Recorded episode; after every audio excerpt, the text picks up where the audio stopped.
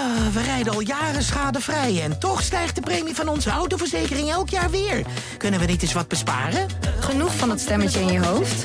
Even Independeren. Daar word je altijd wijzer van. Vergelijk nu en bespaar. Welkom bij Independer. Are you still being remembered all the time about ET? Is that something that annoys you a, li a little bit as well? Uh, ET phone No. home, there, uh, there is no promise.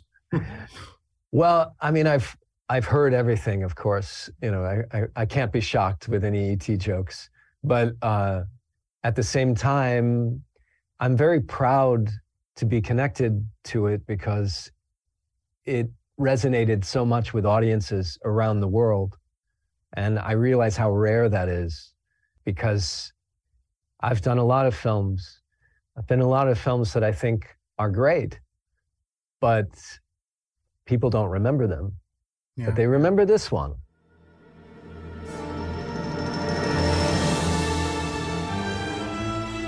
Good evening, ladies and gentlemen. We are tonight's entertainment. Movie Insiders. They're here.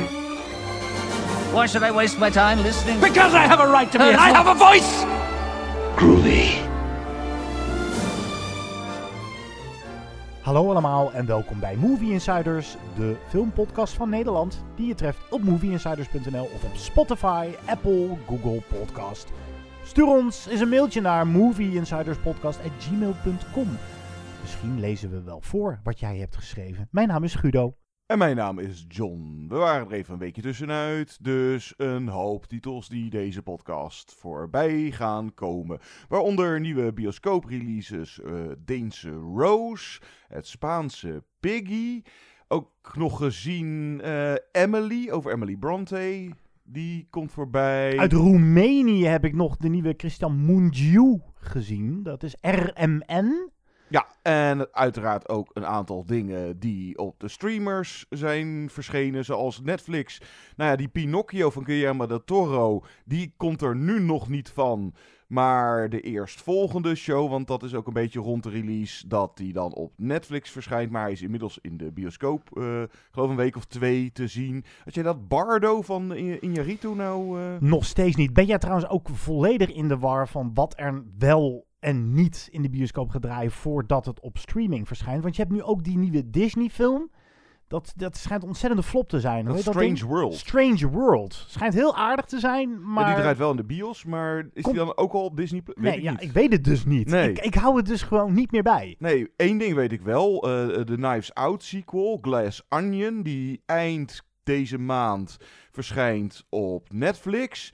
Had in ieder geval Amerika en ik geloof in eh, UK. En eh, ik was voor afgelopen weekend een weekendje in Berlijn. Ik ben hem uiteindelijk niet gaan kijken, want we waren iets te druk met feesten. Maar in Duitsland had hij dus ook een kortstondige bioscooprelease. En hier in Nederland dus weer niet. En moeten we weer wachten tot... eh, nou, het is allemaal heel verwarrend. Zooitje. eh. ja. Welke komen er allemaal nog meer? Nou, een hoop titels. en heel kort even, jij sprak Henry Thomas. Dat is dat joch wat met E.T. Phone Home. Ja, dat is Elliot uit E.T. En daar had ik een heel kort gesprekje mee naar aanleiding van het 40-jarig bestaan van die film. Hij krijgt niet een re-release in de bioscoop, wel op Blu-ray een speciale uitgave met een hele hoop nieuwe making-of uurtjes aan materiaal voor degenen die dat leuk vinden. Maar ja, Henry Thomas, eh, dat is zo'n acteur die je echt nog wel vaker heb gezien in een film of een serie en dan een bijrolletje. Maar het is natuurlijk nooit een echte grote jongen geworden. Nee. wel letterlijk, maar ja. hij is inmiddels 51. Maar hij heeft het in dat eh, korte gesprekje wat ik met hem had, eh, een heel aardige, aardige kerel sowieso, een aardig gesprekje ook, heeft hij het een beetje over... De downside van de kindsterretje. Ja, eh, juist. ja. ja. het is hem, het anders willen zien verlopen allemaal. Maar laten we beginnen met een van de nieuwe bioscoopreleases. De nieuwe Luca Guadagnino. Eh, zwijmelen met kannibalen. Maar dan zonder Army Hammer erbij. Dit is Bones and All. Thought I was the only one. Are there lots of us? Not lots, but more, more than you think. You've met a few, sure, that you know of. You never had anyone take an interest in you? A double, double, du- double take? Just always thought. You just thought some people are creepy. It's better if we all steer clear of one another. We're dangerous to non eaters, but we can hurt one another just as bad. I hope you're hearing me on, on this. Je kan met een gerust hart stellen dat Bones and All een van de meest romantische films van het jaar is. Maar daar moet wel een belangrijke kanttekening bij worden geplaatst. Vooral voor hen die zich al beginnen te verheugen op een zoete zwijmelfilm. Het bevat namelijk ook enkele gruwelijke scènes. Want de tortelduifjes in kwestie, waaronder tieneridool Timothy Chalamet, smullen namelijk van mensenvlees. Niet dat ze daar iets aan kunnen doen overigens. De Italiaanse maker Luca Guadagnino, die eerder verantwoordelijk was voor films als Suspiria, A Bigger Splash en het alom geliefde Call Me By Your Name, doet het niet om de horror. Hij was naar eigen zeggen gefascineerd door het oorspronkelijke boek uit 2015 van Camille De Angelis, omdat het cannibalisme slechts een noodzakelijk kwaad is. Deze twee lovers doen liever niet aan soortgenootjes kluiven. In een van de eerste scènes sluipt de jonge Maren, gespeeld door Taylor Russell, stiekem uit huis. Want haar vader is van haar aandoening op de hoogte en houdt de halsband een beetje strak. Om eindelijk eens met wat klasgenootjes te kunnen genieten van een pyjama party. Ze keert al snel in paniek terug en bebloedt. Wanneer ze de verleiding niet heeft kunnen weerstaan de vinger van een vriendinnetje af te bijten. Pa kan het niet meer aan. Hij laat zijn dochter achter met een zakje geld en een geluidsopname waarin hij voor het eerst over haar geschiedenis en onzichtbare moeder vertelt. En hij keert niet meer terug. Via de oudere, griezelige eenling Sully, Oscar-winnaar Mark Rylance uit Bridge of Spies, die haar wegwijs maakt in de wereld van de Eaters, zoals ze dat noemen, belandt Marin per toeval in de schoot van een leeftijdsgenoot die minder moeite lijkt te hebben met wie hij is. Deze Lee, Timothy Chalamet, heeft zich er schijnbaar soort van bij neergelegd, maar het is ook een opvallend gevoelige jongen met een triest verleden. Iemand die voor het eerst haar hart sneller laat kloppen. Samen zwerven ze door het Amerikaanse Midwesten van de jaren 80 op zoek naar elkaar, naar zichzelf en, omdat het echt niet anders kan, een stukje vlees. John. Guadagnino's Suspiria vonden we allebei meer interessant dan echt rete goed. Is hij met Bones and All, dat zoveel betekent als met huid en haar, weer terug op Call Me By Your Name niveau? Nou, dat nog net niet. Deze romantische roadmovie met kannibalen of inderdaad eaters hebben ze hier. En zoals ik het in de afgelopen podcast ook al wel een beetje teasde. Uh, dit is eigenlijk een combinatie van Call Me By Your Name en Suspiria. Uh, als je kijkt naar, er zit gewoon ook wel een beetje smerigheid in. Uh, hier wordt echt wel even een uh, lichaam afgekloven, zeg maar. dus in dat opzicht zit er wat Suspiria horror in. Wat meer eigenlijk een Call By Your Name 2.0. Nou, dit is gewoon een apart geval. En uniek weet... Nou ja, er zijn weinig andere films die me te binnen schoten... waar het mee kan vergelijken. Of deze gekke genre mix nou helemaal geslaagd is. Het is eigenlijk moeilijk om je vinger eh, eh, erop te leggen... waarom die wel werkt en toch net niet helemaal of zo. Omdat het misschien lastig is om er echt lekker in mee te gaan. Of om het allemaal te slikken of zo. Het is, ja, soms is die wat, wat inderdaad, wat ik al zei, soms is het wat smerig. En op andere momenten misschien weer net iets te sentimenteel. Maar het is dat hij in ieder geval qua toon en qua sfeer.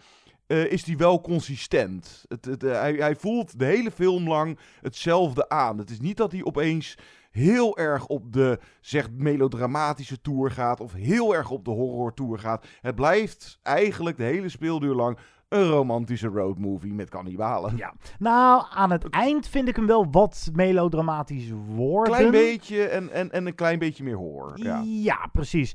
Nou ja, het is geen Twilight, gelukkig. Uh, want dat is een film die je misschien zou kunnen vergelijken qua onderwerp met deze film, omdat het gaat over de liefde tussen twee jonge mensen die ergens niets aan kunnen doen, namelijk hun bloeddorstigheid. Uh, en in dit geval uh, mensenvlees, honger. Wat natuurlijk ook een metafoor zou kunnen zijn voor whatever you like. Ja, de metafoor. eh, Dat zat je inderdaad ook wel een beetje al van. Ja, wat wil het of hij er nou precies mee zeggen? De hongermetafoor. eh, nou, oké, coming of age, eh, seksuele ontluiking. eh, mm, nou, eh, ook identiteit en wie of wat je bent. En nou, uiteraard verslaving kan je er ook wel uithalen. Hè? Dat ze het dan wel proberen, zeker zij later, te onderdrukken. Nou of dan zo van ja, moet je ervoor moorden?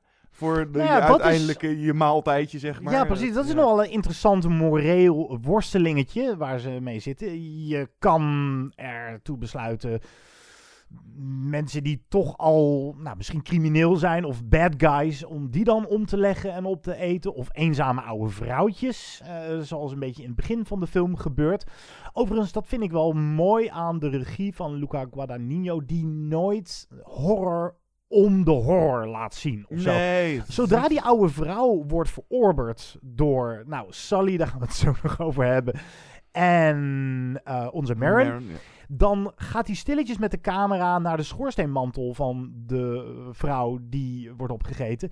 Om daar langs al die foto's te gaan en haar verleden te zien. En dat vond ik heel smaakvol gedaan. Sorry voor het. De woordspelingen links en rechts. Van dat soort, eh, Ja, precies. Maar dat, dat vind ik wel, eh, terwijl er echt wel schokkende momenten in zitten. Weet je wat ik wel aardig vind, is dat je hoeft er niet per se een metafoor uit te trekken. Je zou ook kunnen zien, het gaat over twee jonge mensen en die leven een beetje aan de randen van de samenleving. Buitenbeentjes. Buitenbeentjes. eentje. en, ze zijn nou, op zoek naar zichzelf en zijn in de war om wat zij blijkbaar zijn. En is dat hun roeping en kun je dat ontlopen? En die verwarring staat überhaupt voor het tiener zijn of ja, het twintiger ja, zijn. je linken aan Coming of Age. Ja, dus dat, dat vind ik op zich wel prima en voldoende, zonder dat je daar direct weer allerlei kunstige metaforen uitfiltert. Ik vroeg dat ook aan Lu- Luca Guadagnino, die ik sprak, en die zei, ja joh, als je iets fout kan doen als filmmaker, is met een metafoor in je hoofd een film schieten. Mm. Want dan wordt een film ehm, een beetje zelf serieus, of eh, is, gaat de film zichzelf belangrijk vinden. Nou, ik vind niet dat Bones and All zich daaraan schuldig maakt. Het is ook geen mooie filmerij. Wat ik er vooral heel knap aan vind, is dat ja, het zorgt voor verwarring in de hoofden van Marin en Lee. Maar niet bij mij. Ik vond het wonderlijk. Je hoe- accepteert het. Ja, hoe, ja. ja. hoe al deze dingen toch samenkomen tot één bevredigend geheel. Dus het zwijmelen en het cannibalisme, het kan wel degelijk samen. Of het ook ontroert. Daar zit ik nog een beetje Nou, mee. ik zat wel dat het, het is op zich wel een, eh, de romance is geloofwaardig en eh, je gaat wel echt lekker mee met deze twee, inderdaad, die buitenbeentjes. En dat komt grotendeels ook door het acteerwerk. Die Marin, gespeeld door Taylor Russell, een talent. Eh, Zeker. Ik had haar eerder gezien in Waves, was ze ook al heel goed. En ja, ze, kan, ze speelt heel mooi. Dat ze enerzijds heeft ze natuurlijk ook, nou ja, noem het even een soort van onschuld. Of dat zij eigenlijk een slachtoffer is van deze, laten we het even een ziekte noemen of zo. Waar je ja, nou eenmaal hebt. En eh, de eenzaamheid die daarbij komt kijken, of het outsider zijn, hè, het buiten de maatschappij vallen. Terwijl ze aan de andere kant ook wel weer zeker heel vastberaden is in die trip die ze onderneemt. Om eh, bijvoorbeeld te achterhalen eh, waar haar moeder is. Of ze wil gewoon haar moeder zien überhaupt. En weten hoe dat... want ze heeft dan inderdaad... eh, van de vader zo'n cassette. Volgens mij is het, speelt Het is ook in een de 80's. cassettebandje, Dat ja, is ja. even aardig om te vermelden. Het is jaren 80. En een cassettebandje waarin de vader, nou ja, de hele jeugd tot dan toe. En eh, inderdaad, nou, van jongs af aan eh, was het al wel duidelijk. En mm, nou ja, op zoek naar de vermoeder en de, de familiebanden. En ja, een, een ontdekkingsreis eigenlijk ook deels. Een ontdekkingsreis naar, naar identiteit, naar zichzelf. eh, eh, eh, ontdekking op het gebied van liefde. En dan inderdaad Timothy Chalamet, die ook fantastisch is. En dan de bijfiguren die ze onderweg eh, tegenkomen. Mark Rylance als Sully. En dan heb je nog Michael Stuhlbarg, die prachtig een eh, vader speelde in Call By Your Name. Maar hier ook een of andere lekkere creepy redneck eh kannibaal. Ja, die houdt op een gegeven moment een speech. En daarin zegt hij: De ultieme daad die een kannibaal of wij eaters kunnen verrichten. is iemand met huid en haar opeten. Bones and all. Dat is Nou ja, dan heb je de max behaald, het hoogste level. Nog even naar Taylor Russell, want daar is Luca Guadagnino vooral goed in, vind ik. In dat coming-of-age deel. Zij heeft in het begin van de film nog niet echt een personality, maar dat is niet erg, want dat zien we eigenlijk ontstaan tijdens die roadtrip die ze maakt met Lee. Dus het is, begin, ze begint echt als een blanco velletje en ontwikkelt echt door alles wat ze meemaakt een karakter. En dat, dat doet zij heel mooi. Ze is heel schichtig in het begin. Uh, ze is natuurlijk altijd kort gehouden door haar vader, die op de hoogte was van haar aandoening en gewoon de deur stevig op slot deed. En ze mocht nergens heen. Dat soort grimmige kantjes, dat die vader het opgeeft en dat met die moeder, dat maakt de film meer dan gewoon een, een gave romantische film met toevallig kannibalen of zo. Het wordt wel serieus genomen. En er zijn twee elementen die ik het engst vond aan Bones and All. Allereerst, nou, Sully. Ja. Mark Rylance, het is, eh, wat hij hier precies doet, het is een beetje een kinderlijke man. Hij stottert, is wat ouder. Ja. Beetje hippie uiterlijk of zo. Ja, hij is ook niet echt heel duidelijk de bad guy. Maar hij is iets te opdringerig naar haar. Waardoor hij... Hij heeft echt iets heel macabers. Ja, je krijgt ongelooflijk de rillingen van hem. Maar van wie ik de meeste rillingen kreeg, dat is echt... Het is maar een piepklein detail en we moeten er eigenlijk ook niks over zeggen. Maar er zit een cameo in van regisseur David Gordon Green. Ja, en hou maar daarbij. En laten we het daarbij houden. Maar als ik daaraan terugdenk, krijg ik alweer kippenvel. Echt de meest opmerkelijke directors cameo van het jaar. Ja, inderdaad. En dan uh, nog even het uh, zeker vermelden waard is dat de film hartstikke mooi geschoten is. Het speelt dan de Amerikaanse Midwest. En ik heb het wel vaker. En bij deze merk je merkt dat vaak. Dat het gemaakt is door een Europeaan. Het is net niet uh, mooier verbeeld. Of. Uh, nou, het is gewoon. Het ziet er allemaal. Het is Amerika, duidelijk. De, de, geen, geen seconde twijfel. Maar het ziet er gewoon net even anders uit. Dan dat het door een Amerikaan gemaakt zou zijn. En dat past eigenlijk hier perfect. Dat het net niet helemaal natuurlijk. Of iets ongrijpbaars. Je ja, door een buitenstaander in Amerika wordt het vaak net even anders geschoten. Ja, maar het heeft nog een ander element. En dat viel me ook al op bij Call Me By Your Name. Ik weet even niet hoe je die techniek noemt. Maar hij doet bijna aan Nouvelle Vaak-achtige editing. Waarin hij Soms, ja. keihard de muziek. Dus dan zit je helemaal mooi in een nummer van Joy Division. Ben je eigenlijk voor het eerst echt aan het zwijmelen. En dan baf. Keihard uh, uh, uh, kapt hij het af en gaan we naar een andere scène. En dat doet hij vaker. Het lijkt wel alsof hij je eraan blijft herinneren, zwijmel vooral niet te veel. Want het zou wel eens slecht kunnen aflopen of zoiets. Dus dat draagt ook bij aan het niet typische Hollywood roadmovie sfeertje wat je normaal ziet. Ja, en of dat, dat is... dan een typische Guadagnino film maakt, ja, weet ik niet. Want, dat ja, weet ik niet, ja. Hoeveel hebben we er van hem tot nu toe gezien? Een stuk of vijf of zoiets. Dus het, ik denk dat als je ze allemaal achter elkaar gaat zitten kijken, dan zal je wel duidelijk zijn stijl herkennen. Hij won overigens afgelopen filmfestival Venetië dan uh, beste regie. Uh, ja, prima. Ja, en, prima. en die Taylor Russell uh, ben ik benieuwd naar. Ja, de Mar uh, Marcello Mastroianni Award voor beste jonge talent uh, ja, won zij daar geloof ik. Ja, maar zij is echt heel goed en Timothy Chalamet is eigenlijk perfect. Vooral, hij is echt, zat ik me te bedenken tijdens deze film, de ster van nu, van deze tijd. Niet de macho alpha man, maar juist de gevoelige, fragiele jonge man die iets jeugdigs heeft en iets, ja, iets gevoeligs. Dat, dat, ik vind dat zo grappig dat uitgerekend hij nu de posterboy is van onze tijd in filmland. ja, dat is wel opmerkelijk. Ja, Heel erg van uh, 2022. Ja, uh, nou, nog, uh, nog één uitsmijter. Uh, smaakt dit naar meer? nou, ik wil hem sowieso nog eens een keer kijken. Ja, ik En wil dan hem ben ook ik- nog een keer zien. Kijken of die dan of- emotioneler binnenkomt. Ja, beter of minder. Ik, ja, ik heb geen idee. Maar dit is zo'n interessante van hoe smaakt deze de tweede keer? Zullen wij, voordat wij verder gaan met deze podcast, een stukje laten horen uit de opmerkelijke, romantisch eh, eh, ge- ja, geladen score van ja, Trent Trent- Reznor en eh Atticus Finch Ja. van de, de Nine Inch Nails. Atticus Ross. Oh, Atticus Ross. Atticus Finch? Wie Eh, is Atticus Finch ook weer? Is Is die dat- van eh, To Kill a Mockingbird? Ja, vandaar dat ik hem... eh, Heb je die laatst weer eens eh, aangezet? nee, die dat, die naam... eh, ik, ik had zijn voornaam in mijn hoofd zitten en ik pakte de verkeerde achternaam. Nou, de componisten van The Social Network en The Girl with the Dragon Tattoo en van Soul.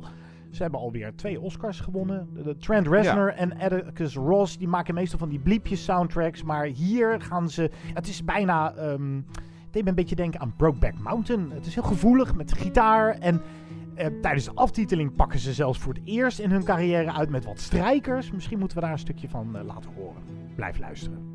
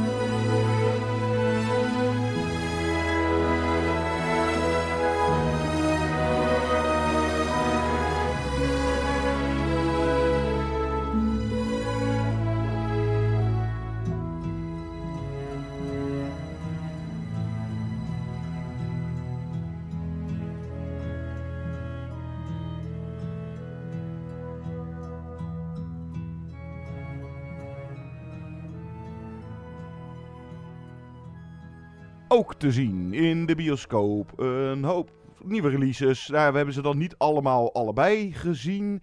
Nou, She Said. Zeg het maar. Jij mag het zeggen. She Said, ja, dat is toch wel een belangrijke release, omdat er door Universal wel een beetje wordt gemikt op Oscar-nominaties. En ja, dat ligt bijna voor de hand, want het doet een beetje denken aan Spotlight. Het is een film over de journalistiek. Een recent stukje journalistiek. Het gaat over de twee verslaggevers van de New York Times die het Harvey Weinstein-schandaal aan het licht hebben gebracht. Het MeToo. uh ja, ja, waardoor eigenlijk de hele MeToo-golf is ontstaan. En je, dit is typisch zo'n film. Je, je denkt na afloop van, hmm, het is wel droog. Je merkt dat er wordt gezocht om het af en toe ook filmisch een beetje interessant te maken. Maar het is zo'n procedurefilm. Je ziet gewoon deze twee dames in hun journalistieke, ook ethische proces. Wat, wat gaan we doen? Wat wordt de volgende stap? Um, zij uh, worden door de hoofdredacteur ook geruste vliegtuigen ingestuurd om bij iemand te kunnen aankloppen in Engeland. Om de quotes, om nou, het verhaal zo hard mogelijk te krijgen. En niet alleen maar van die off-the-record bronnen. Heel interessant en belangrijk in een tijd waarin de media onder vuur ligt. En dat alles uh, zogenaamd fake nieuws zou zijn. En dat zo'n artikel niet bepaald over één nacht ijs ging. Het, is, het zijn allemaal een beetje open deuren. Het is misschien ook wat te recent gebeurd, waardoor je, ja, als je een beetje het nieuws hebt gevolgd, ontdek je hierin niets nieuws. Maar het is wel een voortreffelijke film, ook als document. Ik zat echt te denken, ja, nu mopperen we misschien een beetje op die film van, ja, dat weten we nou wel. Maar als ik denk aan mijn dochter, uh, die nu tien maanden oud is over twintig jaar is dit voor haar misschien wel uh, All the President's Man. Ja, oh, dat zou zomaar kunnen. Ja, met uh, nog maar even vermelden, de hoofdrollen worden gespeeld door Zoe Kazan en door Carrie Mulligan. En dan heb je nog Patricia Clarkson als uh, hun hoofdredacteur. En de, de, enige misser die erin zit, echte misser, is dat Ashley Judd was de eerste celebrity die on the record haar verhaal over Weinstein vertelde. Die speelt zichzelf. Oh. Dat vond ik raar. Dat is raar. Ja, ja. maak dan een documentaire, denk ik. Ja. ik. Ik snap dat het al... Dat is een soort van statement cinema. En daar hou ik niet zo van. Maar het zal ook niet zoals Spotlight Oscars gaan winnen. Nee, nee, nee. nee. Spotlight was ook wel gewoon echt wel beter gemaakt. Maar het is een aanrader. Ik uh, zou hem zeker, zeker gaan zien. She said. Een van de titels die op het afgelopen filmfestival Leiden, het LIF Leiden International Film Festival draaide. Waar ik ook Bones and All zag en Triangle Sadness, de Gouden Palmwinnaar, die eh een deze weken de revue gaat passeren. Maar deze won dan eh, de publieksprijs uiteindelijk niet heel erg verrassend. Deense Rose. Want ja, dit is de feel-good eh, ziektefilm van het jaar. dus ja, nou, denk enthousiasme. Nou, dan weet je precies wat voor soort film. Ja, maar het is goed bedoeld en oprecht. en Goed bedoeld, dat is echt de meest dodelijke Ja, kritiek die je kan krijgen ja. toch als filmmaker. Ja, maar dan versus de clichés en de stereotypering die erin zitten. Het gaat over nou, Inger, gespeeld door Sophie Grabol. Eh, die, ik heb die serie nooit gezien, maar die is van The Killing, geloof ik, of zo. eh, Oh, ja, ja, Nou, ja, dat ja, is zo- klopt, ja. Nou, die is eh schizofrene. En eh, ze gaat met haar zus en haar nieuwe zwager, dus de nieuwe vent van de zus, ondernemen ze een, eh, zo'n busreisje naar Parijs. Dus vanuit Denemarken gaan ze een lang weekend of een midweekje naar eh, Parijs. Omdat zij daar in het verleden ook een tijd heeft gewoond dan die Inger, die schizofreen is. En dan treffen ze in de bus al Ehm, volgens mij is het door Søren Malling gespeelde. Nou ja, je kan bijna als de bad guy eh, bestempelen die echt alle vooroordelen van eh geesteszieken even opboert, zeg maar. Zo van, eh, ja, nou, dus je, je kan ze allemaal invullen. En dan, hij is er met zijn vrouw en het zoontje daarvan, zo van een jaar of tien of zo. Nou, daar pappen ze ook een beetje mee aan. En dat zoontje, dat, dat rijdt er nog op een rolstoel door de gangen van Versailles heen. En, nou ja, de enthousiabele linkjes. eh, maar het is eh, grotendeels, geloof ik, eh, nou ja, niet autobiografisch, maar de, ik las wel dat de regisseur heeft het een beetje gebaseerd op de ervaringen van zijn zus. Dus er, er ligt wel iets autobiografisch aan ten grondslag. Voel je dat een beetje, dat het daardoor oprechter Ja, het is, is- ja, dan je gemiddelde drama? Ja, daarom zeg ik oprecht en eerlijk. Ja, het, ja, is. Het, is, het is inderdaad wel de, de, de cliché dingen zoals we ze al zo vaak in dit soort... een beetje Rain Man of Rain Woman in dit, geval. Het speelt dan ook in 1997 nadat eh, prinses Diana net overleden was daar in Parijs. Dus dan gaan ze daar ook nog eh, bij die plek waar al die bloemen verzameld eh, zijn. En die Inger die had dan een oude liefde die ze nog even aanbelt in Parijs. En, en nou, zo'n zo'n prima te pruimen. Als je dan leest van, oh ja, dit won de publieksprijs op Liv. Ja, uiteraard. ja, hij, is, hij is wel mooi, eh, Rose. Rain Woman. Rain Woman. Die, die onthoud ik wel, die is mooi. Ik heb nog een, eh, een hele opbeurende Roemeense film gezien. Wij zijn hier in Movie Insiders best, eh, nou best, we zijn fan van Christian Mungiu. Die vooral bekend is van vier maanden, drie weken, twee dagen. Nou, daar hebben we het eindeloos over gehad in de loop der eh, Movie Insiders jaren. Maar ook, ehm, hoe heet die film ook weer over die, dat Beyond the? Hills.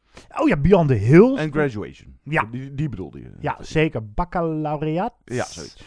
Nou ja, hij is terug. Ik zag hem in Cannes. RMN. De titel staat dan... Het is Roemeens volgens mij voor MRI. Oftewel de MRI-scan, de hersenscan. En er wordt hier een letterlijke hersenscan gemaakt. Maar het is natuurlijk ook vooral een figuurlijke hersenscan van het land Roemenië. En ook wel een beetje van Europa en de Europese Unie. Ik zal niet helemaal uit de doeken doen waar de plot over gaat. Maar het heeft te maken met racisme. Deze film speelt zich eh, niet voor niets af eh, in Transylvanië. Eh, wat interessant is, want Transylvanië wordt nog steeds geassocieerd met Bram Stoker's Dracula vooral. En niemand weet volgens mij echt waar het nou precies ligt. Of wat de identiteit is van die streek of die regio. En de ironie wil dat in de film de bewoners weten het zelf ook niet. Het is een, eh, een, een gebied waar ook heel veel Ho- Hongaren wonen bijvoorbeeld. Of er zijn nog heel veel banden met Duitsland. Eigenlijk eh, wandelen we een soort leeggelopen, leeggezogen regio in. Waar het niet goed gaat met de economie. En dat op zoek is naar een eigen identiteit. En uitgerekend op die plek waarvan je zou denken, nou ja, hier zal geen nationalisme heersen. Eh, breekt de racismebom, of barst de, de racismebom, als een soort eh, lokale industriële bakkerij een aantal werknemers aanneemt uit Sri Lanka. En dan gaan de bewoners compleet flippen. En er zit een geweldige one-take scène in. Of geen one-take scène, gewoon een camera die stilstaat. à la Hunger van Steve Ah, McQueen. ja. Van bijna 20 minuten waarin alle bewoners samenkomen in eh, het kerkje en daar, nou ja, wat, wat ze daar roepen, eh, de xenofobie stuitert eh, alle kanten op. Het is echt zo'n asgrauwe film. Je wordt er niet vrolijk van. Je wordt er zeker niet van. Maar het is, het is ook zo'n film die weer onder je huid gaat zitten. En die je onmogelijk even van je afschudt. Dit is beslist geen mindere Moonju. Eh, zonder dat hij zo weinig aandacht kreeg. Eh, jullie gaan, jij en Jasper gaan het geloof ik hebben over Triangle of Sadness, de Gouden Palmwinnaar. Maar het verbaasde mij dat RMN eigenlijk volledig buiten de prijzen viel in Cannes. Want dat is, het is echt zo'n Cannes-titel. En ik vond deze echt steengoed. Het, het, het zou zomaar een top 10 eh, kandidaat van het jaar kunnen zijn. Oh ja, ik ga hem zeker nog kijken. Doen hoor, ja. Ander opmerkelijk filmpje wat deze week in de bioscopen verschijnt. Piggy, of in het Spaans Cerdita. Eh, het gaat over een plus-size tiener Sarah. Die wordt vanwege de omvang eh, heftig gepest. En door, mm, nou ja, vriendinnen zijn het dus niet van haar, maar eh, leeftijdsgenootjes, andere meiden. Ze wordt bijna verdronken in het zwembad. En dan ziet zij niet veel later die drie meiden ontvoerd worden door een of andere eh, nou, figuur. eh. en zij ja, nou ja, neemt wraak, zou je... Nou, laten we het even zeggen. Zij grijpt niet in. Oké, jullie hebben mij bijna laten verdrinken. Jullie worden ontvoerd. Nou ja, dan Verdiende heb je wel een beetje omge... En zij krijgt eigenlijk een bijna ja, soort aparte band met die moordenaar daar dan. Die moordenaar die het eigenlijk een soort van voor haar opneemt. Voor die Sarah. En vooral... Zij zoekt die moordenaar op, of die Nou, die kidnapper. zoekt haar vooral meer Oh. op. En die, eh, Omdat nou, hij weet dat bij- zij het zag. Ja, en die doet Ah, bijna ja. nog een soort, nou ja, Romeo en Juliet eh, steentje tegen de ramen. Dan staat hij onderaan de balkon en eh, nou, komt het, het, nou ja, daar moet je de film voor zien. Maar interessant, eigenlijk bijna ja, meer een soort psychologisch drama-achtig. De tweestrijd in die Sarah van, ja... Het, is ook een tienermeid. Is, eh, eh, ze wordt voor het eerst. eh, eh, ze krijgt aandacht van een man. En, en, en hé, hey, wat moet ik hier nou? Versus, ja, die meiden. Ja, ik wil toch eigenlijk ook weer niet dat hij ze af gaat slachten. Dus psychologisch horror, thriller, drama. Het horrordeel valt dan eigenlijk wel mee. Maar het is vooral. eh, het pijnlijke wordt in deze film wel goed voelbaar. Ook eh, eh, door haar situatie. wordt een beetje geschetst haar thuissituatie met haar ouders en dat soort dingen. Dat je eigenlijk de keuzes die zij maakt in de film worden wel een soort van begrijpelijk gemaakt. En dan is het ook doordat de film gewoon goed gemaakt is en goed geacteerd. En dus een, zou je kunnen zeggen, een slachtoffer neemt wraak op de pestkoppen met een twist is dit. Het Oké. is, eh, het is Nou, opmerkelijke ik film. ga hem nog zien, En ja. Het draait ook dan in de filmhuizen. Het is, eh, het is geen full-out horror. Dus ik denk dat hij daarom niet zo snel in eh, de grote bioscopen te zien. Ik ben geïntrigeerd. Zullen wij een Netflix-titel doen of zullen we eerst Emily doen? Laten we eerst Emily doen. Is goed. Stukje trailer. Shall we begin? Miss Emily Bronte. You're off to become a wonderful teacher. You know I don't like to meet new people. What do you want to do? Do you think I could be a writer? I have lots of stories. Mr. Layton will be tutoring you in French. He speaks with such poetry. Any man can speak. What I want to know is can he actually do? Do what? You're supposed to be an artist. So be an artist. What is that? I wrote it. Freedom in thought! Freedom in thought! Come on! Freedom in thought! Freedom in thought! Emily Bronte, de schrijfster van Wuthering Heights. Het was ook haar enige boek. Eh, ja, het is geprezen, maar ja, ik heb het nooit gelezen. Ik heb er uiteraard wel eens een filmversie van gezien, maar het wordt ook wel eh, ja, gezien als sowieso... eh, het was zijn tijd ver vooruit, maar het was ook een provocerend boek en toch ook een beetje enigmatisch of een lelijk boek, hoor je ook vaak. En in het begin van deze film, Emily, ligt zij vrij jong nog op de sterfbed. En haar zus Charlotte, uiteindelijk ook een hele bekende schrijfster van Jane, Jane Eyre. Eyre, ja. En, en nou, nog een paar andere eh, bekende titels. Vraagt aan haar, hoe schreef je het? Eh, ja, hoe schreef je... Hoe, hoe, ja, hoe kom je erop om een Wuthering Heights... eh, hoe heb Ja, bijna boos is ze Ja, ook, hè? ja. Want wat, wat een smerig boek. Hoe durf je eigenlijk? Dit is het script en regiedebuut van actrice Frances O'Connor, die eigenlijk vooral ken uit AI. Speelde ze die eh, moeder. En ik heb het al eens een andere film gezien. Maar... Bedazzled staat er ja, ineens oh ja, bij. inderdaad. Ja. En ja, zij wil eigenlijk ja, daar een antwoord op geven. Dus inderdaad, wat lag er aan ten grondslag? Of wat was de inspiratie eh, van Emily Bronte om Wuthering Heights te schrijven? En dan wat we hier zien is een, ja, ja, noem het even een biopic. Maar het is grotendeels fictie. In dat opzicht eh, is die, eh, denk ik, vergelijkbaar met Blonde van eerder dit jaar. Maar ten opzichte van eh, Marilyn Monroe is het met Emily Bronte zo dat daar gewoon over haar persoonlijk heel weinig bekend is. Dus het overgrote deel van deze film is bedacht. En ik las dan dat eh, Frances O'Connor, zeker voor haar script, eigenlijk Wuthering Heights, het boek, heeft gebruikt om van daaruit dit verhaal. Ja, dus het is bijna een soort van, ja, je gaat in het hoofd zitten van Emily Bronte.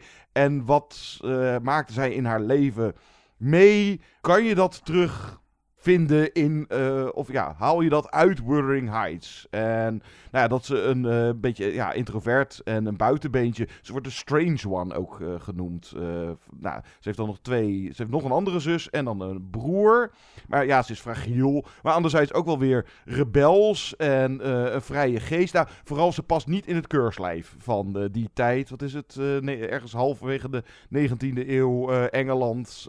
En dat ze dan bijvoorbeeld ook ja, een beetje gaat rebelleren met haar broer. Experimenteren met alcohol en drugs. En ja, een soort van feministe van haar tijd. Of voordat dat eh, überhaupt er was. Dus ja, komt deze film eruit met een soort van antwoord geven op... Ja, wie was Emily Bronte nou? Ja, het, is, het is gewoon lastig als er zo weinig bekend is over die... Ja, maar dan zou je ook kunnen zeggen dat je eigenlijk alle vrijheid hebt om daar een eigen invulling aan te geven. Ja. En in dat opzicht vond ik hem een beetje te braaf binnen het ehm kostuumdrama-genre passen.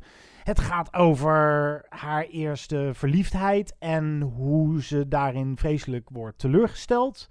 Ja, en dat is dan bijvoorbeeld dus ook weer eh, terug te vinden in in Wuthering boek. Ja, Heights. Ja. En het gaat ook over, nou ja, wat heel belangrijk is, is dat zij eh, niet gelovig is en eh, nogal vraagtekens zet achter het bestaan van God, terwijl haar vader dominee is, Ja. als ik het goed heb. En die relatie die ze krijgt is dan met die William, die daar ja, pastoor is bij die kerk. Of, Ja. of nou, zoiets. Precies. Ja. En dat is op zich wel een interessante relatie, want zij beginnen eigenlijk een beetje met een, eh, een hekel hebben aan elkaar. Zij is volgens hem te rebels, hij is volgens haar te slaaps aan de kerk. En heel geloofwaardig vond ik ze niet samenkomen. Ik vond het geloofwaardiger toen het weer uitging eigenlijk, omdat ik al dacht, dit is vreemd. Dat is een soort van seksuele honger die eigenlijk ineens losbarst bij de twee. Ja, of, of dan op een gegeven moment dat hij er opeens acuut weer een punt achter zet. Omdat, ja, ik was Ja, dit kan ik niet Ja, maken. ik was aan het zondigen en dit, eh, Ja. dit mag niet of het- Ja. Maar het is ook wel een beetje braaf dat je dan het boek van Wuthering Heights pakt en dan ervan uitgaat, nou ja, dan zal ze wel een moeilijke relatie hebben gehad. Ze zal dan wel eh, hebben gerebelleerd tegen de kerk. Maar ja, ze is verder wel het standaard kostuumdrama type zoals we dat wel vaker zien. En dit is Emily Bronte. En dat moet echt een heel raar wijf zijn geweest. Ja, en die gekte, Ja. of dat, de, de, nou ja, ik denk dat ze ook Dat eh, komt onvoldoende naar boven, ja. dat, dat komt er te weinig uit. Ja, precies. Zij, Ja. zij is waarschijnlijk gewoon hartstikke depressief geweest. Dat zou mij niks verbazen. En dan had je de ballen moeten hebben om er eh, eh, nou echt veel meer een downer van een film van te maken. Want het, is ook geen vrolijke film, alles behalve. Nee, van- dat, dat is ook zeggen. Ik wil wel gezegd hebben, dat is allemaal kritiek, maar ik vond het wel een meeslepende film. Eh, Ja, en knap en mooi gemaakt. ook, zeker. Schitterende score van Abel Korzeniowski. Ja, moet eens even een stukje van draaien. Nee, zeker mooi Ja. gefilmd. En nou, toepasselijk die grauwe setting. hè, dus waar zij woonde, dat Wuthering speelt ook een beetje daar in die Moors, heet dat geloof ik Ja. of zo. inderdaad, nou, alles behalve een kleurrijke kostuumfilm. En Ze woont ook, nou ja, ze, ze woont wel in een eh, goed groot huis, maar de omstandigheden zijn ook niet bepaald fijn. De, de- ik geloof gebrek aan hygiëne en daardoor komt er allemaal, nou, die, die Bronte-zusjes, die zijn allemaal hartstikke jong overleden. En de broer dan ook nog eens, zeg maar. Dus, eh, nou, is in ieder geval, de omstandigheden waarin ze opgroeide waren ook, nou, niet eh, Jippie de Pippie. En Francis O'Connor heeft uit Wuthering Heights bedacht van, nou, dat zal zij dan allemaal zelf wel meegemaakt hebben. Maar vooral inderdaad dat, dat afwijkende, het, het, het, het gekke van Emily Bronte zie je net onvoldoende terug. Dat ligt echt niet aan Emma Mackey. Ook zo'n nieuw talent. De- Ja, zij is het- goed. En de, de acteursregie is sowieso gewoon eh, goed in deze film. Maar vooral eigenlijk ook een soort van vrije interpretatie à la Blonde. Van eh, nou, hoe het waarschijnlijk... eh, dat- de- ik denk dat het zoiets is geweest of zo. Maar dan vond ik deze inderdaad sowieso veel beter dan Blonde. Deze is ook een stuk rustiger. eh, valt dan inderdaad wat meer in het keurslijf van de kostuumfilm. Ja. Maar ik had het, het, is net iets meer dan je gemiddelde kostuumfilm, maar dat vond ik dan weer net onvoldoende of zo. Ja, het gaat wel iets meer de diepte in Ja. dan. Ja. ja. maar of het daarin geslaagd is, dat misschien net dan niet. En of er dus een bevredigend antwoord uit deze film komt van... Hè, hoe schreef je het? Hoe schreef je Wuthering Heights? Ja, misschien, we- weet ik niet. Het is een mooie, interessante op bepaalde vlakken... en een beetje afwijkende biopic die zeker ja, wel Hij is wel de moeite waard. Ja, Ja. vanwege het acteerwerk, de score, het is mooi geschoten. Dus, ja, als je van dit soort films houdt, dan... eh, en net, net even niet, niet weer inderdaad zo'n 13 in dozijn... eh, dan is deze wel gaaf, Emily. Zeker. Laten we dan nog één titel doen uit de Netflix-stal. Maar eerst een stukje van die score van Abel. Dat lijkt mij een goed plan. Korzeniowski. Right on.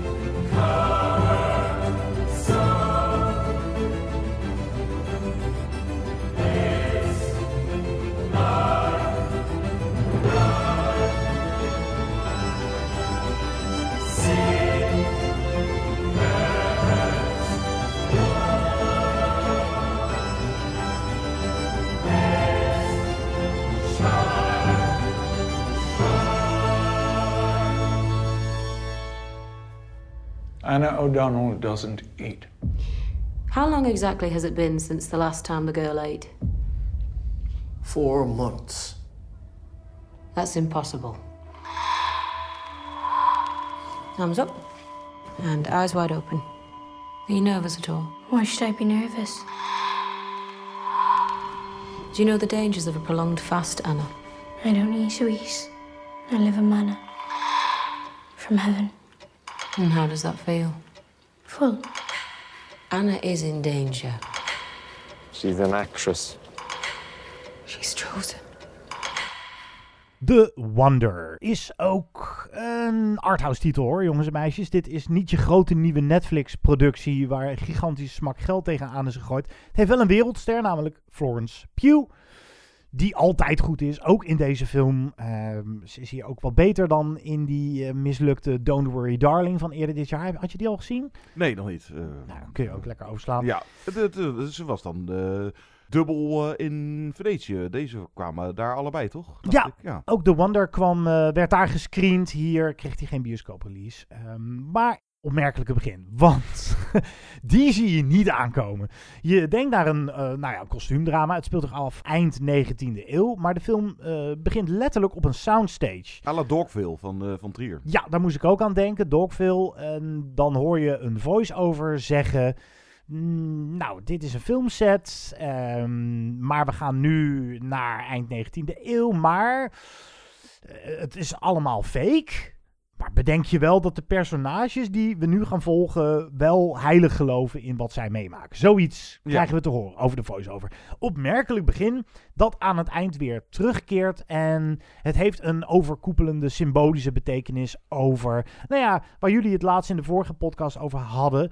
Uh, wat, welke aanleiding was dat ook alweer? Uh, verhalen vertellen. Verhalen vertellen. Ja. ja, het gaat over de kracht van verhalen vertellen, over het liegen. En hoe kwalijk dat is. Uh, ja, de waarheid feit, naar je eigen hand zetten. Ja, ook. feit en of fictie. Uh, ja, dat. daar speelt deze film mee. Hoe dan ook, uh, als eenmaal dat kader in het begin is weggevallen. En we gaan naar die tijd in Ierland. Dan volgen we Florence Pugh's Lip, heet ze, Elizabeth.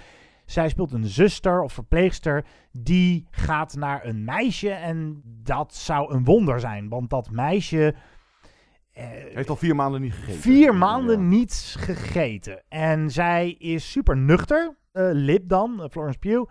En gelooft er helemaal niks van. En wil eigenlijk eens kijken of het wel klopt. Of ze het wonder daar kan doorprikken. Nou, we moeten niet weggeven wat er dan vervolgens gebeurt. Want maar, er zit meer achter. Of, ja. er, zit, er zit wel iets achter, maar um, nou, het is ook Lip die op een gegeven moment besluit de waarheid naar haar eigen hand te zetten. Ik dacht heel vaak, oei, is dit verhaaltje niet te dun voor een hele speelfilmlengte van twee Zat uur? Ik af en toe ook. Uh, ja, het duurt net geen twee uur, geloof ik. Maar, maar door het einde vond ik hem, of de twists die erin zitten, vond ik hem uiteindelijk toch wel de moeite waard. Al blijf ik ik blijf met de vraag zitten: had je zonder die raamvertelling. Ja, die pro en die epiloog. De pro en de epiloog. had dat gemoeten. raar en eigenlijk ook een soort van overbodig omdat het uit de rest van de film al wel duidelijk wordt. Dus ja, zoiets waarom, hè? Waarom heb je dat er dan... Sebastian Lelio, de regisseur, de Chileense regisseur van uh, Una Mujer Fantastica... waar die uh, de Oscar voor International Feature... en uh, Disobedience, heb je die gezien met... nee. Oh, die is ook wel interessant. En hij heeft dan twee keer Gloria, de originele Chileense... en dan nog een... Ik heb geen van die Gloria-films. Ik moet er nog eentje keer van kijken. Maar de, Julia Moore schijnt ook wel de moeite te zijn. Dus ja, waar waarom heeft hij voor deze structuur... Nou, werd me niet helemaal duidelijk, maar ja... ja het wordt me wel duidelijk, maar nou ja, ik vraag ja. me af of het had gemoeten. Of het, want dat, het roept zo de aandacht op zichzelf af. We hadden het bij Bones Nol over uh, zelfzuchtige cinema. Nou, hier riekt het er wel een beetje naar. Ja, dus had door die vertelling. niet gedaan dan, denk ik, of zo. Maar inderdaad, kijk over waarheid en verschillende interpretaties daarvan. Of uh, geloof versus wetenschap. Uh, nou, relevante uh, dingen, inderdaad. hè? Of nou ja, dat het misschien zelfs... Kan het ook misschien wel samen een combinatie van. Dat het... Hè, dus deze mensen inderdaad er zelf heilig in geloven. Uh, hoewel ze misschien zelf ook eigenlijk wel donders goed doorhebben dat het niet zo is als het lijkt. Of ja, vooral de overtuiging van, uh, laten we even zeggen, de, de, de kerkelijke kant van dit verhaal. Versus de twijfel bij de nuchtere, uh, de, de meer wetenschappelijk ingestoken lip.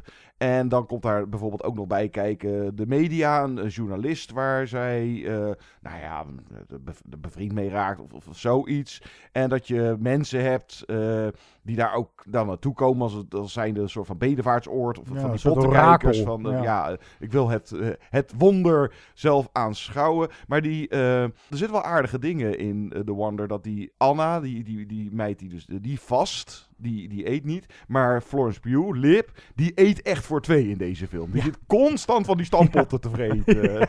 En dat zij uiteindelijk van haar, uh, nou ja, de verpleegster, haar ethiek en een verlies wat ze in het verleden heeft meegemaakt. Uh, nou, dat ze uiteindelijk dat meisje ja, wil redden. Dat speelt allemaal mee. Oh ja, trouwens, uh, Ierland, volgens mij speelt het ten tijde van de Great Famine. De, de grote honger. Dus dat is ook weer... Uh, hey, honger. We hebben een linkje met uh, Bones en, al. Maar hij is sfeervol. ook vanwege de setting. Het is geen hele grootse, uitbundige film. Het is echt ook vooral dat huisje op de hei waar het een beetje het meeste afspeelt. Het, eh, hij is gewoon goed geacteerd, zeker de Florence. Het heeft een bepaald sfeertje.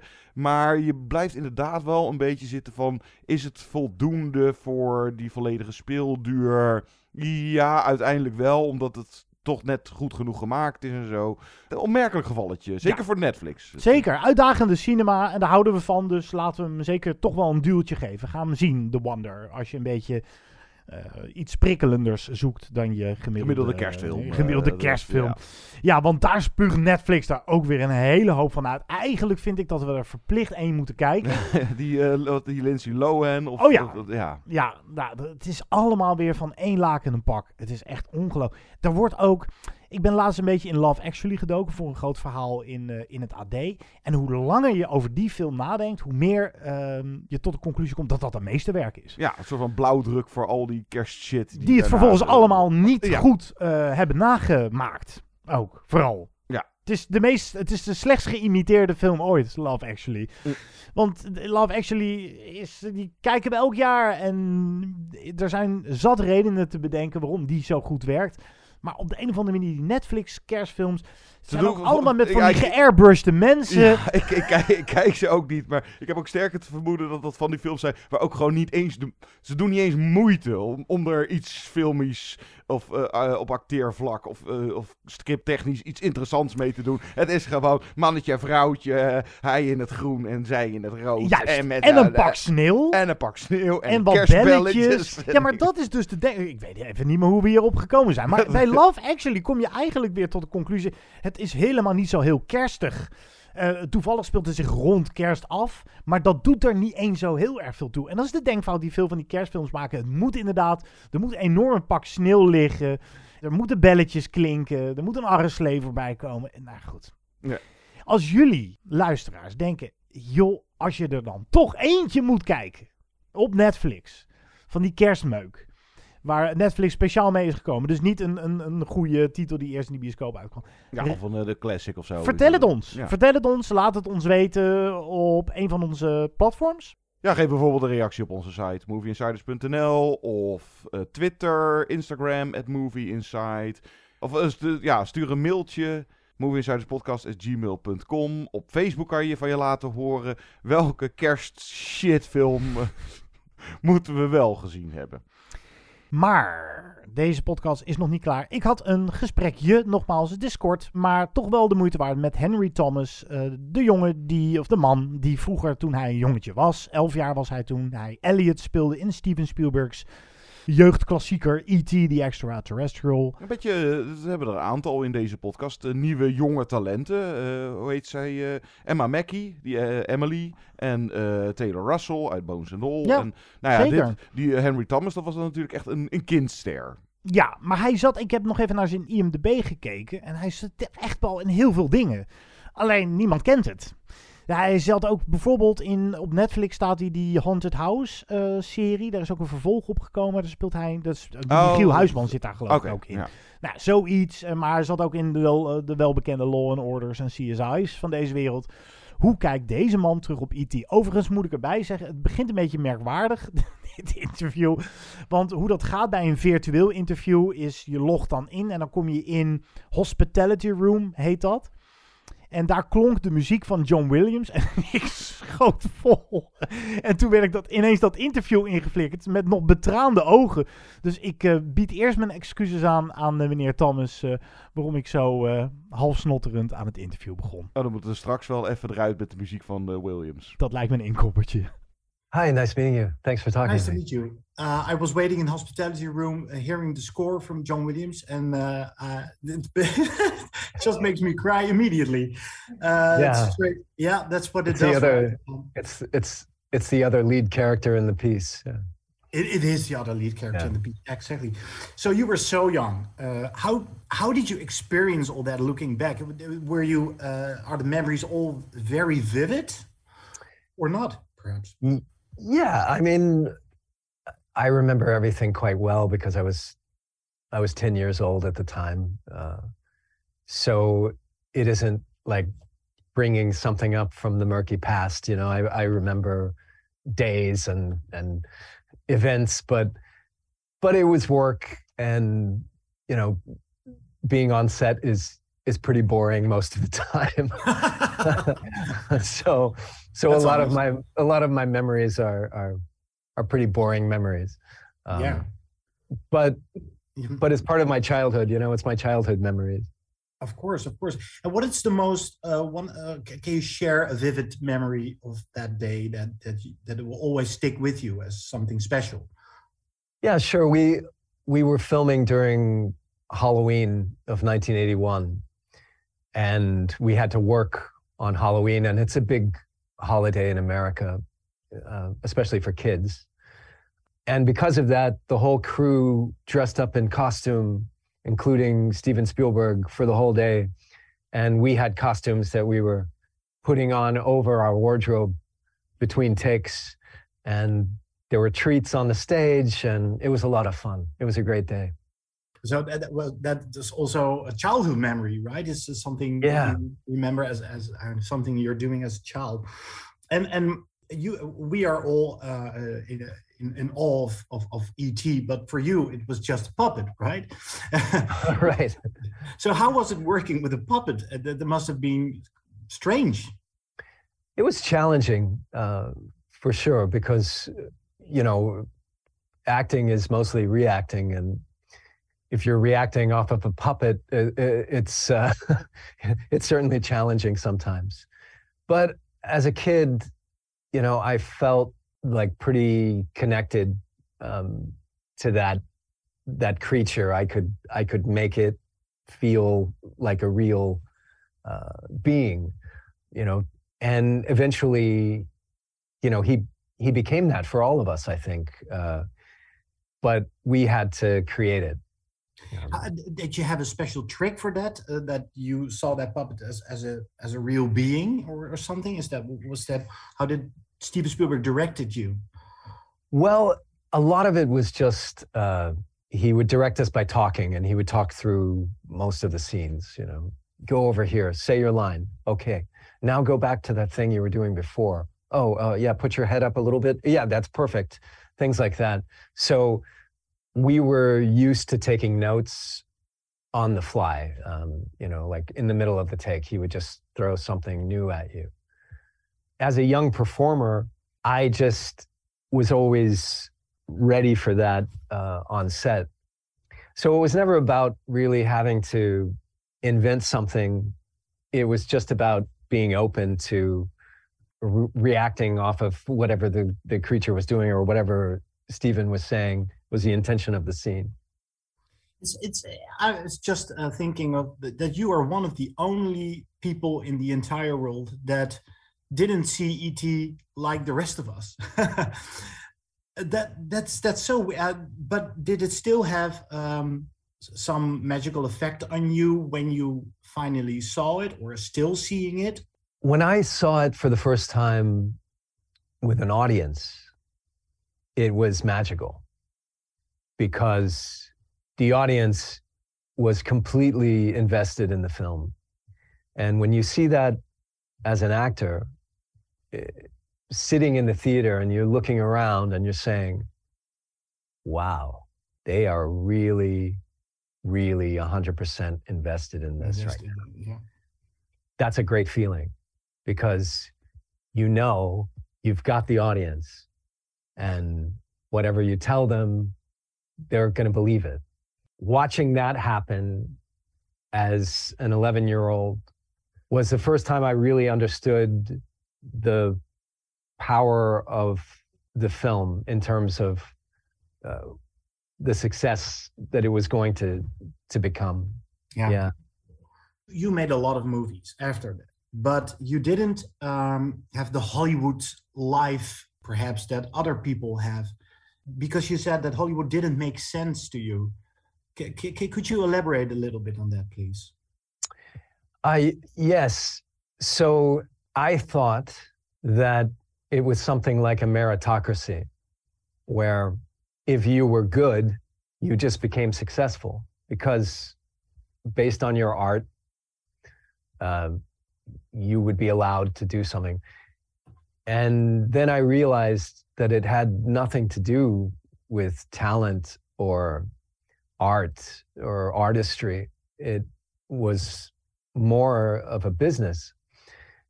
And I couldn't get my head around the business of it. So it made no sense to me because I felt like I naively, I guess I felt like, oh, I'm good, I have talent, so I should be in the best movies. Yeah. Um, As a logical next step. Yeah. it's a logical next step, but you know, it it doesn't work that way. um, so I became frustrated at, uh, with with that aspect of of the business, and to be honest, I'm still frustrated with that aspect of the business. Yeah. Uh, I can imagine. Is, is that also a reason that you are that you don't that you don't want your kids to follow in your footsteps? Well, I don't mind if they do, but I advise them against it because uh, it's a difficult way of making a living uh, throughout your life. It's great if you come from a wealthy family and you have a trust fund and you can do whatever project you want, or you know, you you come from a place in life where you don't need to worry about surviving.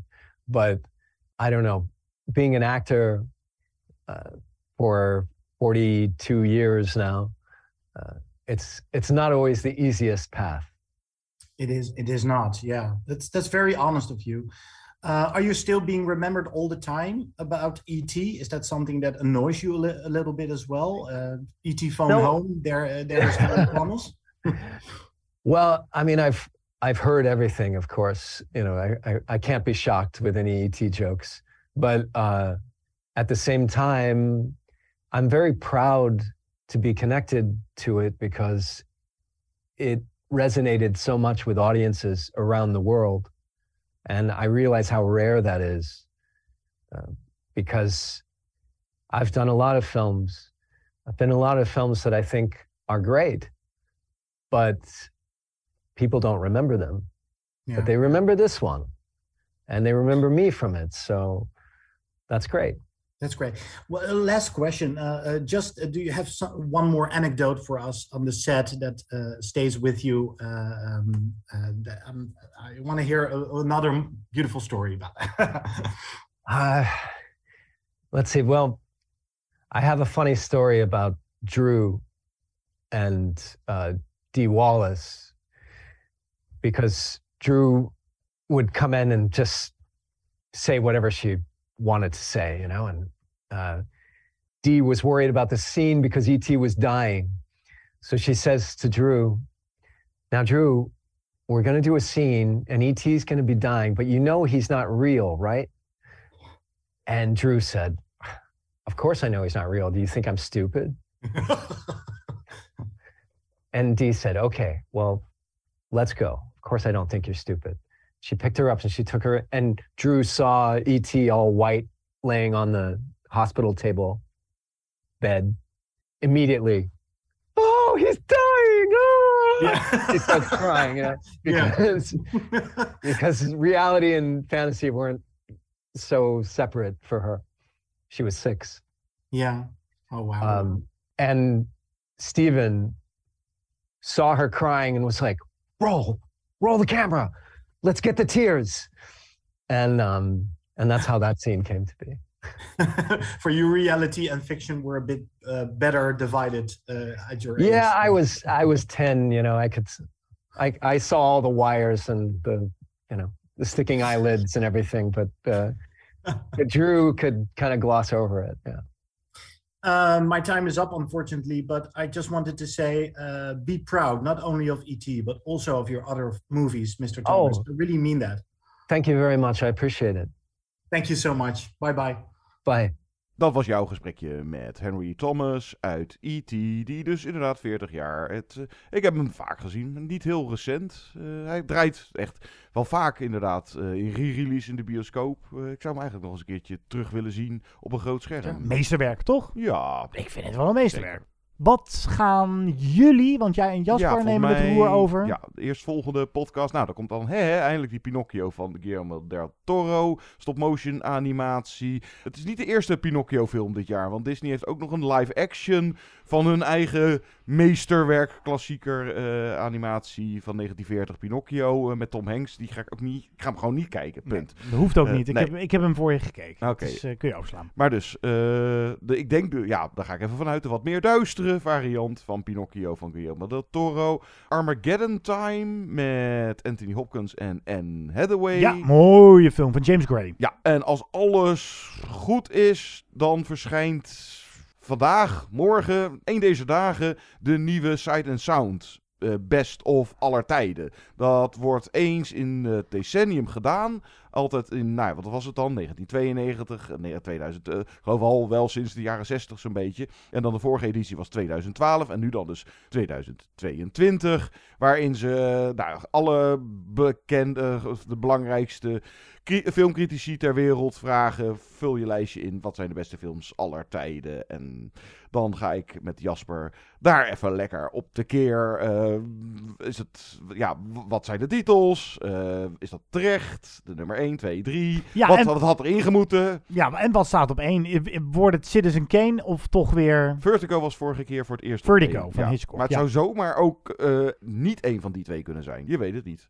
Ja, ik ben toch wel heel erg benieuwd naar de nieuwkomers in de lijst. Want de vorige keer was dat weggelegd voor nou echt een handjevol titels als In the Mood for Love uit mijn hoofd en Mulholland Drive van David Lynch stond daarbij. Dus, dus of er wat, de- ja, de nieuwe vertegenwoordiging. Want je krijgt toch vaak zo'n lijstje met. Maar ja, de filmgeschiedenis is inmiddels dik 100 jaar oud. Dus dan hè, eh, zal die echt niet opeens, lijkt mij vol, ju- juist meer de klassiekers. eh. Maar wat denk je, Parasite, maakt hij een kansje? Oeh, die zou interessant zijn of die erin staat. We gaan eruit met eh, John Williams. Hoeveelste Oscar won die voor E.T.? Was dat zijn derde? Oeh, jeetje, daar vraag je me wat. Ik dacht zijn tweede. Is deze... Dit is een, echt een hele moeilijke vraag. Verdorie, hij won voor Jaws natuurlijk. En E.T. Was zijn eh, tweede. Ja. En de eerste niet- Star eh, Wars? nee, of de Nee. voor Empire. Hij won toch wel of niet voor... Weet ik even. Ik, eh, Wij gaan ook deze podcast niet op pauze zetten om het op te zoeken en dan alsnog hij het goede... sowieso de Oscar voor beste filmmuziek voor dit, voor E.T. Ja, en hou het maar eens droog hè. Tot de volgende keer. Tot dan.